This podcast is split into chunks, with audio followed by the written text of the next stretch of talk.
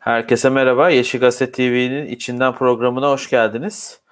Ee, yine Mahmut Boyunduzelik'le beraberiz. Birlikte program yapacağız. Merhaba Mahmut abi. Merhaba Koray, iyi akşamlar.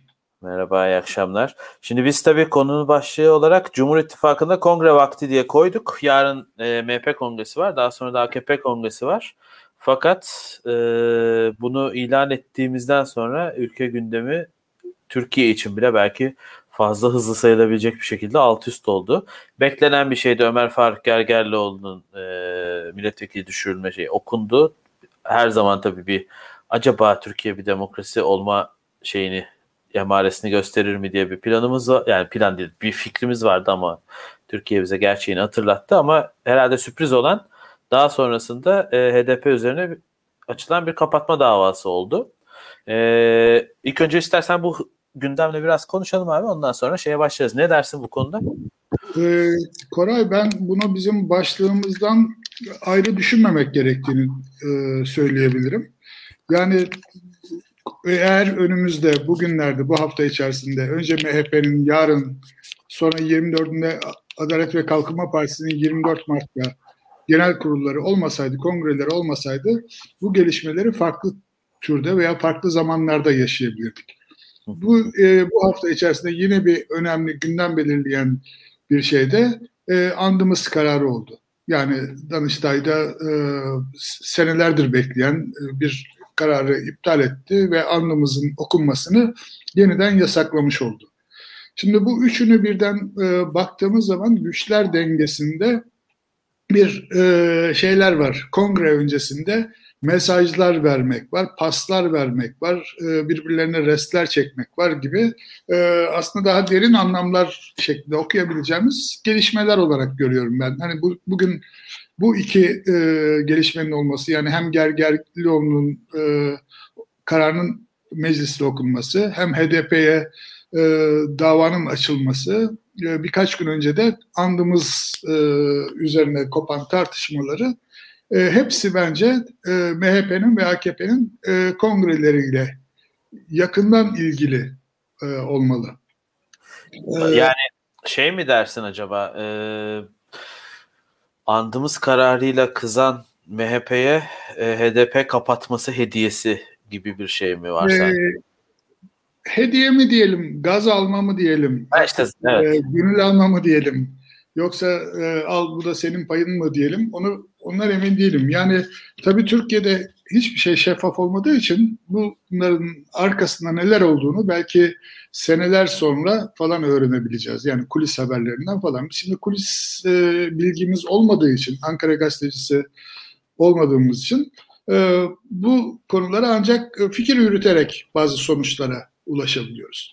Onun için ben andımız kararından e, başlamayı öneriyorum. Yani önce şu e, tavrımızı gayet net Koray Doğan Urbarlı ve Mahmut Boyundelik olarak hem e, Gergerlioğlu kararını yani onun uygulanmasını hem de e, HDP'nin kapatılması için düğmeye basılmış olmasını e, doğru bulmadığımızı, bunun demokrasi için e, büyük bir e, tehlike arz ettiğini e, söyleyerek başlayalım. Yani buradaki tavrımız, duruşumuz falan e, gayet net bir şekilde e, söylemekte fayda var. Andımız konusunda aynı şeyleri söyler miyiz, söylemez miyiz bilmiyorum. Yani ben e, ilke olarak andımızın okutulmasının e, bu kadar gündem yaratmış olmasını zaten şaşkınlıkla izliyorum.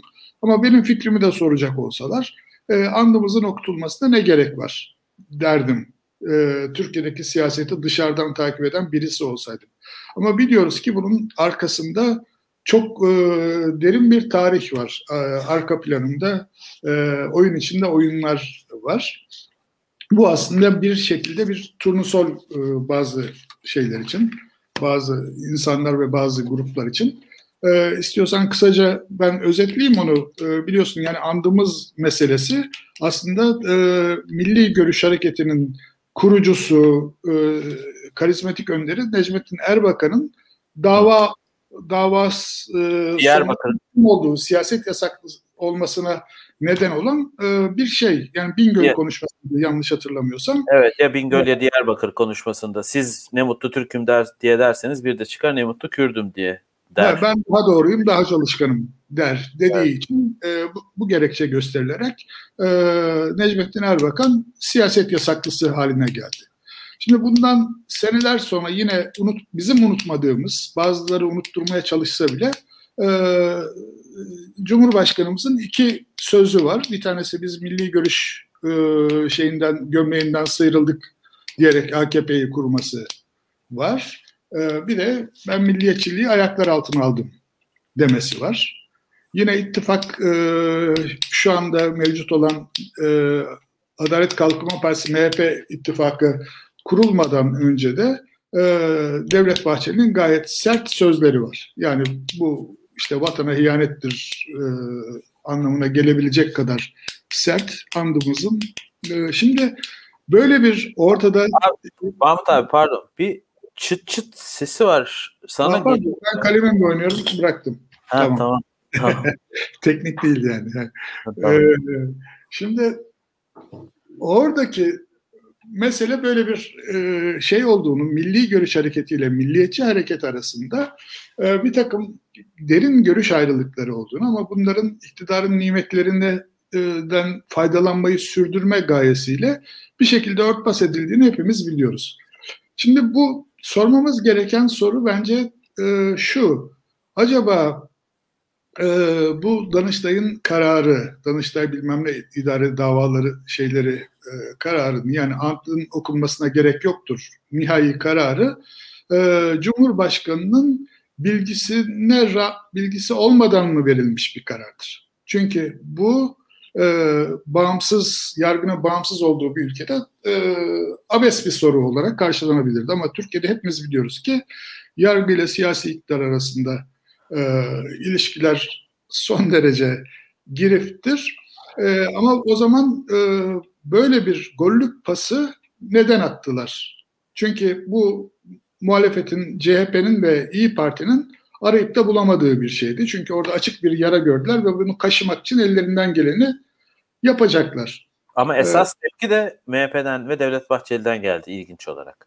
Yani en Bahçeli kendi e, o tekerlememsi e, üslubuyla yine bir e, şey yaptı aslında. Alınan kararın bir ihanet olduğuna yönelik çeşitli açıklamalar yaptı enteresan bir şekilde. E, ittifakın üçüncü ortağı e, Perinçek de bugün Aydınlık Gazetesi'nde şey diye yazmış. E, andımızı çatır çatır okuyacağız iktidara geldiğimizde diyerekten böyle bir söz vermiş yani şeyde. Şimdi e, bu e, tabii ki tam da MHP kongresinden iki gün önce, üç gün önce böyle bir e, kararın çıkmış olması e, MHP ile e, Adalet Kalkınma Partisi arasındaki ittifakta acaba bir çatlak e, çatlağı daha görünür hale getirir mi e, şeyi vardı, e, beklentisi vardı. Bunun üzerine bugün iki gelişme birden oldu. E, biliyoruz ki yani Türkiye gibi bir ülkede bile Anayasa Mahkemesi'nin e, Yüce Mahkeme sıfatıyla bir partiyi kapatma kararı vermesi aylar yıllar alır. Yani bunu bugüne sıkıştırmanın bir anlamı e, olsa gerek. Bu da akla gelen ilk sebep tabii ki MHP'lilere ya bakın sizin de isteğiniz böyle bir şey oldu. E, buyurun istediğinizi al, alınız gibi bir şeydir. Nasıl sonuçlanır bilmiyoruz. Tabii e, Adalet ve Kalkınma Partisi içerisinde de parti kapatılmasına ve bilhassa HDP'nin kapatılmasına herkesin rıza göstermediğini biliyoruz. Seslerini çıkartmasalar bile e, bu konuda bir memnuniyetsizlik olacağı çok açık. Ama buna rağmen bu karar bugün aldı. Onlar bastırılır. Yani bu kongre sürecinde bunun bir sonuç vereceğini zannetmiyorum ben. Yani orada zaten muhalif gruplar yok. Tek halinde olacak, seçimler olacak herhalde değil mi? Her iki kongrede de bir yenileme şeyleri. Durum budur. Ee, Gergerlioğlu meselesini de sen biraz anlat istiyorsan. Bugün Twitter'da bayağı bir şey yapmıştın sen de. Evet yani belki andamızla alakalı bir şey söyleyeyim söyleyebilirim ben. Şimdi andamızın tabii şöyle bir durumu var. Hani içeri içeriğiyle yani usul ve içerik birbirinden bağımsız tartışılamıyor. Ee, şimdi usulle alak şimdi ben alınan kararda bir usul problemi görüyorum e, açıkçası ama hani bunu ifade etmek sanki içeriye de sahip çıkmak anlamına geldiği için bu çok net bir şekilde ifade edilemiyor. Yani iki yıl önce Danıştay'ın verdiği bir karar iki yıl sonra yine Danıştay onu reddediyor falan filan böyle garip bir durum var. İşte niye bu zamanlamalar falan gibi hani onu bir düşeyim e, not olarak düşeyim. E, bir usul problemi ya andığımız bir siyasi bir şey bana kalırsa. Ama bunun böyle sanki yargısal bir şeymiş gibi çözülmeye çalışılması, uzun süre bekletilmesi falan enteresan geliyor bana. Ya Gergerlioğlu konusu tabii e, şimdi ben Twitter'da da yazdığım şeyi biraz tekrarlayabilirim. Ben Gergerlioğlu'nu tanımıyorum. Bir, hani hiç görmedim. Hani bazı milletvekillerini AKP'li, HDP'li, CHP'li bazı milletvekillerini görmüşlüğüm, konuşmuşluğum var ama Gergerlioğlu'nu bilmiyorum hiç. Tanımıyorum ama Gergerlioğlu'nu ben şuradan biliyorum. E, herhangi bir e, hak ihlali olduğunda, herhangi bir insan hakları problemi olduğunda veya bir birinin e, bir haksızlığa uğradığını düşündüğümüzde Gergerlioğlu genelde orada oluyor. Ve bunu böyle bir siyasi şey olarak değil, e, seçerek değil yani o siyaset bu siyaset değil, herkesin yanında olmayı seçerek, haks, haksızlığa uğrayan herkesin yanında olmayı seçerek e, yapıyordu. Bu açıdan tabii aslında şimdi konuşuluyor ya 600 milletvekili ne gereği var biz bunu düşüreceğiz falan Kılıçdaroğlu'nun da böyle bir açıklaması vardı. Şimdi 600 tane Gergerlioğlu gibi milletvekilinin gereği olabilir.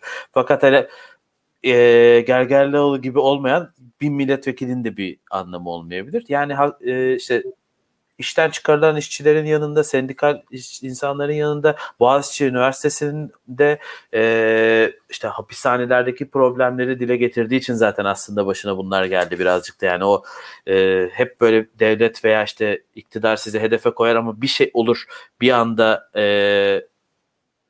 olaylar hızlanı verir ya işte aynısı bir Ranting'de gördük mesela yani çok daha acı bir şekilde. E, bir şekilde o çıplak arama işini gündeme taşıması ve çıplak arama işinin artık üstü kapanamayacak bir gerçek olarak ortaya çıkması onun sonunu hazırladı gibi duruyor. Ee, ya tabii çok hani akıl almaz bir şey aslında. Dediğim gibi başta hani beklenilen bir şeydi. Sonuçta mahkeme kararı verince bu okunacak ve milletvekili düşecek ama hani bunun bu kadar çabuk, bu kadar e, şey olması, e, hızlı olması ve işte kongreden önceye sanki bir koşuşturma şeklinde olması yani o birazcık e, kabul edilemez bir durum tabii ki. Ha, e, hep biz artık ne yazık ki biraz uluslararası arena şu bu odaki şeyleri de görüyoruz. E, dengeleri işte bir taraftan NATO ilk defa yani varlığı ortaya çıktığından beri ilk defa üye ülkelerinden bir tanesinin iç işlerinin demokrasi alanında bir, bir şey söyledi, bir fikir beyan etti. İşte Biden'dan hala telefon gelmedi. Geçen hafta konuştuk hala o telefon gelmedi. Hatta Erdoğan bir Amerikan gazetesine yazı yazdı. Hani mektup gönderdi. Ee, hani bana mektup beni aramıyorsun ama bak ben seni mektubumla unutmadım diyerek ama işte bu tarz şeyler olduğu sürece bu işlerin yani e, akıl alır gibi bir yere gittiğini düşünmüyorum. Hani Gergerlioğlu'nun da e, tek başına bir milletvekili düşürülmesiyle haksızlığa uğrayanların sesinin toptan kısılması olarak görüyorum onun milletvekilinin düşmesini. Yoksa Tabii. çok milletvekili düşürüldü şimdiye kadar yani evet, Türkiye'de. Yani Gergerlioğlu'nun bir enteresan tarafı da aslında e, HDP'lilerin e, geleneksel HDP'li konumda bir insan değil. değil. Yani daha değil. Müslüman e, mahallesinden gelme, eski Mazlum Der Başkanı falan yaptı e, eski dönemlerde. İmam Ama vicdan, vicdan sahibi bir insan olduğu için bütün hak mücadelelerinde gerçek bir millet milletin vekili gibi hareket etti. Taraf gözetmeksizin yani tek kıstası vardı. Bir hak ihlali varsa e, Gergerlioğlu oradaydı. O bakımdan da gerçekten hepimizin e, vekili olma sıfatını hak eden çok az sayıda e, milletvekilinden bir tanesiydi. Yani Al, Alpay Alpay da değil mi o eski Beşiktaşlı futbolcu? Abi ee, iki, sene Beşiktaş'ta oynadı. Daha çok Fenerbahçe'de oynadı ama sen bilirsin tabii. Öyle mi? Peki. Ee, şimdi bu e, vahim gelişmeler öyle diyelim yani hem bu e, HDP davasının e, tekrar kapatılma davasının tekrar gündeme getirilmesi, Gergerlioğlu'nun bir e, şey olacağı. E, kongre lerin sonunda hala devam ediyorsa bu atmosfer, bu iklim, e, o zaman bizim bütün bu demokratikleşme, Batı'yla e, tekrar ilişkilerin yumuşatılması, geliştirilmesi gibi bütün o söylemlerinde e, boşa çıkacağını e, gösteriyor bir şekilde.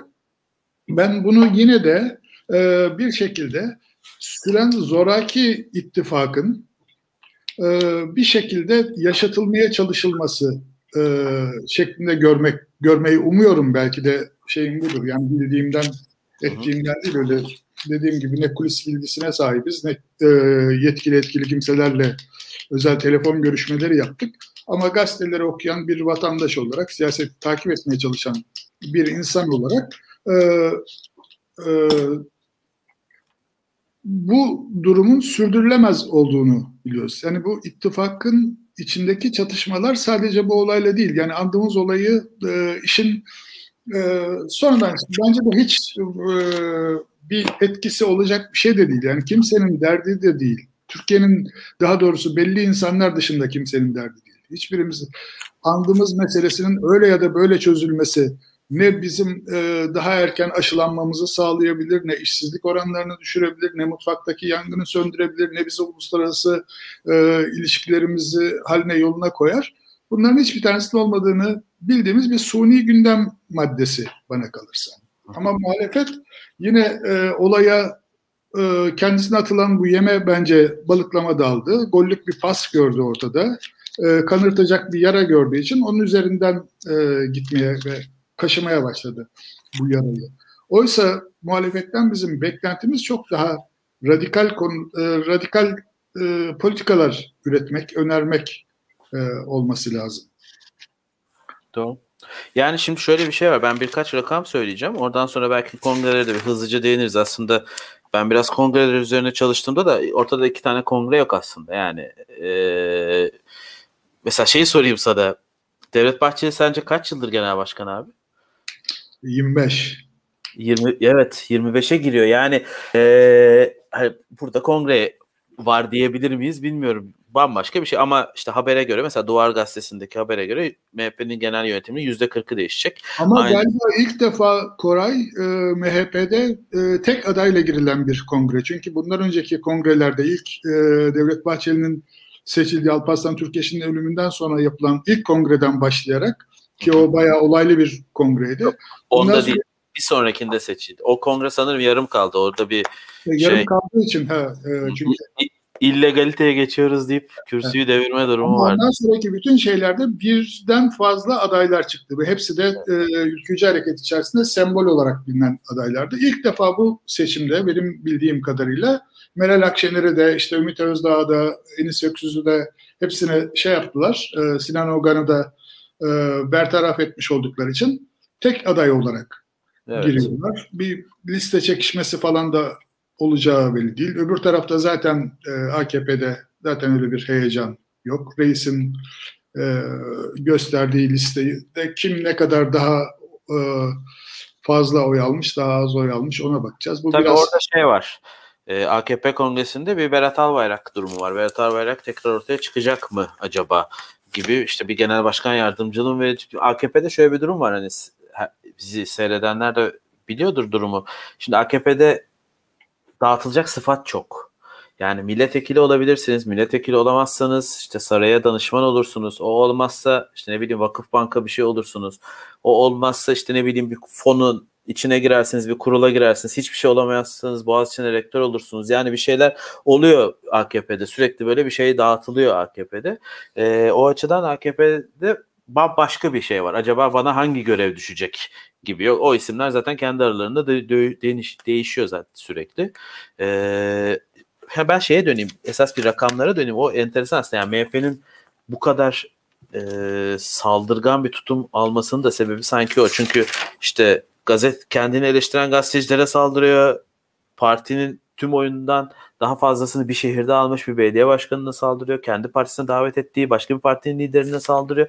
MHP şu an bir tepki veren organizma durumuna düşmüş durumda yani bir partiden ziyade.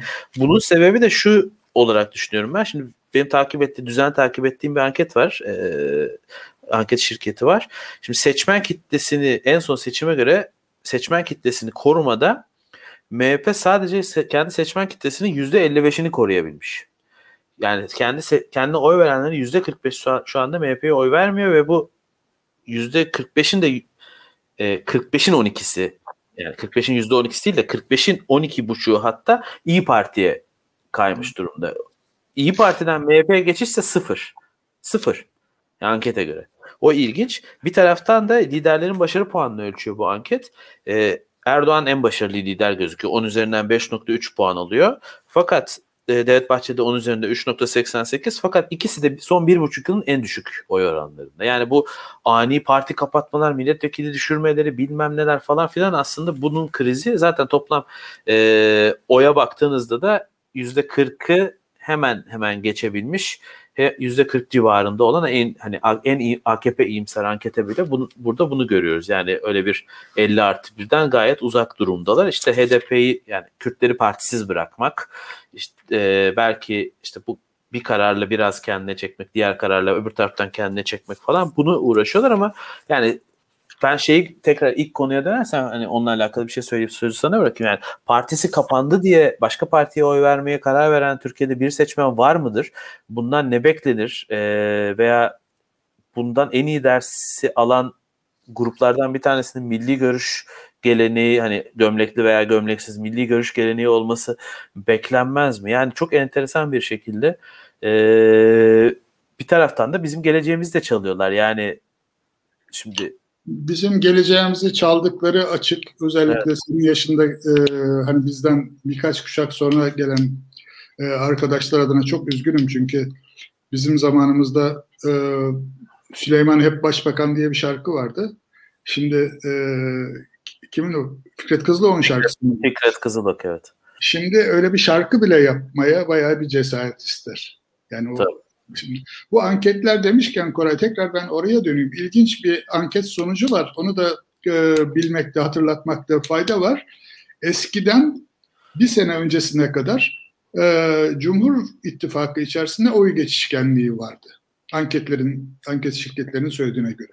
Yani AKP'den MHP'ye, MHP'den AKP'ye gidiyorlardı. Ve bu iki parti kim daha kazançlı çıkıyor, kim daha bu işten zarar ediyor falan muhasebesini yapıyorlardı. Oysa son zamanlarda yapılan anketlerde AKP'den MHP'ye veya MHP'den AKP'ye bir geçiş yok. Her iki taraftan da kararsızlara doğru bir geçiş var. Yani bu aslında en ciddi alınması gereken anket sonuçlarından bir tanesi. Eskiden şeydi, e, AKP bir e, yanlış yaptığı zaman milliyetçi kanadı kızdırdığı zaman milliyetçilere daha fazla oy geçiyordu veyahut da tam tersi oluyordu. AKP'ye oy geçiyordu. Bunu değişik seçimlerde de gördük daha önce. Yani bu sosyolojik olarak birbirinden çok uzak olmayan bu iki tabanın e, arasındaki geçişkenlik e, durmuş durumda. Sürekli dışarıya doğru bir e, sızıntı var. Bu sızıntının gideceği yön henüz belli değil. Yine anket şirketlerinin sonuçlarını ciddiye alırsak ki onu da ayrı bir şeyde belki konuşmak lazım. Yani bu devirde bu anket şirketlerinin sonuçlarına ne kadar güvenmeliyiz e, diye. Neyse onu geçelim. E, bu enteresan e, durum bu kongrelerin tesadüfen peş peşe olması. Yani mümkün evet. olsa e, mümkün olsa aynı gün içerisinde e, birleşik bir kongre yapıp gitseler aslında hepsi çok rahat edecekler. Ama onu da yapamıyorlar e, bir şekilde kendi tabanlarını memnun etmek için. Göreceğiz bakalım e, ne çıkacak. Ama buradan e, demokrasi adına bir kazanç çıkacak mı? Yoksa bunlar radikallik yarışı içerisinde e, demokrasinin geleceğine zarar mı verecekler? E, ve bu zarar ne kadar kalıcı olacak daha doğrusu? HDP'nin kapatılması davasında olduğu gibi. Bunu ancak e, kongreler sonuçlandıktan birkaç ay sonra görebileceğiz. Tabii o arada e, hepimizin gözü bir şekilde e, Türkiye'nin yurt dışından gelecek e, sinyalleri ne kadar ciddiye aldığıyla ilgili. Bu e, 24 Mart'ta galiba Avrupa Birliği'nin bir raporu yayınlanacak. Onun üzerine Biden'ın bir şey yapması. Bu arada tabii e, programı kapatmadan önce e, dışarıda da çok enteresan gelişmeler oluyor Koray. Bugün Biden Putin'e katil dedi açık, açıkçası. Onu e, şey yaptın mı? E, izlemişsin Yok, bil, bil, bilmiyorum, bilmiyorum. Ha, ha, bayağı bir bu e, Amerikan seçimlerine Rusya'nın onu onu biliyorum. Dahil olduğu konusu e, ifşa edildikten sonra Biden'a bugün soru soruyorlar. O da Putin için evet ben onun için katildir derim dedi. Bu netlikte şeyde. Bu çok enteresan. Yani e, dış politika açısından Türkiye'nin de e, hani hem İsa'ya hem Musa'ya e, pas verip ikisine birden yaranamayacağı günler bizi bekliyor galiba. Evet orada bir şey net olarak e, ayrım isteyebilirler. Son olarak e, yavaş yavaş toparlıyoruz herhalde. Şeyi söyleyebilirim. Yani bu Cumhur İttifakı'nın o çatlak diyoruz şeydir. Sanırım en kritik nokta bu seçim kanunu olacaktır. Baraj konusu olacaktır. Çünkü MHP'yi barajın altında daha doğrusu MHP'nin altında kalabileceği bir baraj veya e, barajı geçse bile işte bölgesel barajlarla meclise giremeyeceği bir sistem sanki biraz bu e, AKP'nin eski ortağıyla yaşadığı dershane kapatma işine benzeyecekmiş gibi geliyor bana. E, o da bakalım nasıl olacak. Çünkü MHP'nin kendi varlığını yok edebilecek bir girişim olabilir. Devlet Bahçeli o noktada tekrar işte, e, şeye e, muhalefete en sert en sert muhalefeti yapmıyor. Çünkü şey de yani dili de değişik bir siyasetçi kendisinin. Ya ben şu an mesela şeyi tek hamlede söyleyemem. MHP kongresinin sloganını böyle bir bir şey için bir şey bir şey için bir şey bir şey için bir şey kazanan Türkiye falan gibi bir şey var. Hani onunla Erdoğan'ı vurmaya başlaması enteresan bir durum olabilir. Bakalım önümüzdeki günler ne gösterecek. E, ittifak içerisindeki çatlaklar tabii çok e, derin e, meseleleri de kapsıyor. Ve özellikle e, Türkiye'nin uluslararası ilişkilerinde her iki partinin temsil ettiği anlayışın farklı pozisyonlarda olduğunu biliyoruz. En azından işte Mısır'daki gelişmeler, e, Kürt meselesindeki gelişmeler gibi konularda AKP'nin geleneksel duruşuyla MHP'nin e, temsilcisi olduğu daha e, ulusalcı tabanın, milliyetçi tabanın pozisyonları birbiriyle nereye kadar e, uyum içerisinde gidecek bunu da ileriki dönemde göreceğiz. Ben orada da ciddi problem alanları ol, olduğunu düşünüyorum. Bunu da e, çok yakın bir zamanda e, göreceğiz herhalde. Evet. O zaman YouTube'da olduğumuz için YouTube'un ünlü cümlesi olan kanalımıza abone olmayı unutmayın, beğenmeyi, paylaşmayı unutmayın diyerek önümüzdeki hafta buluşmak üzere veda edelim diyorum. Oldu. İyi akşamlar. Her çarşamba günü saat 9'da Koray Doğan Urbarlı ve ben Mahmut Boyundelik içinden programıyla bir arada olmayı umuyoruz. Hoşçakalın.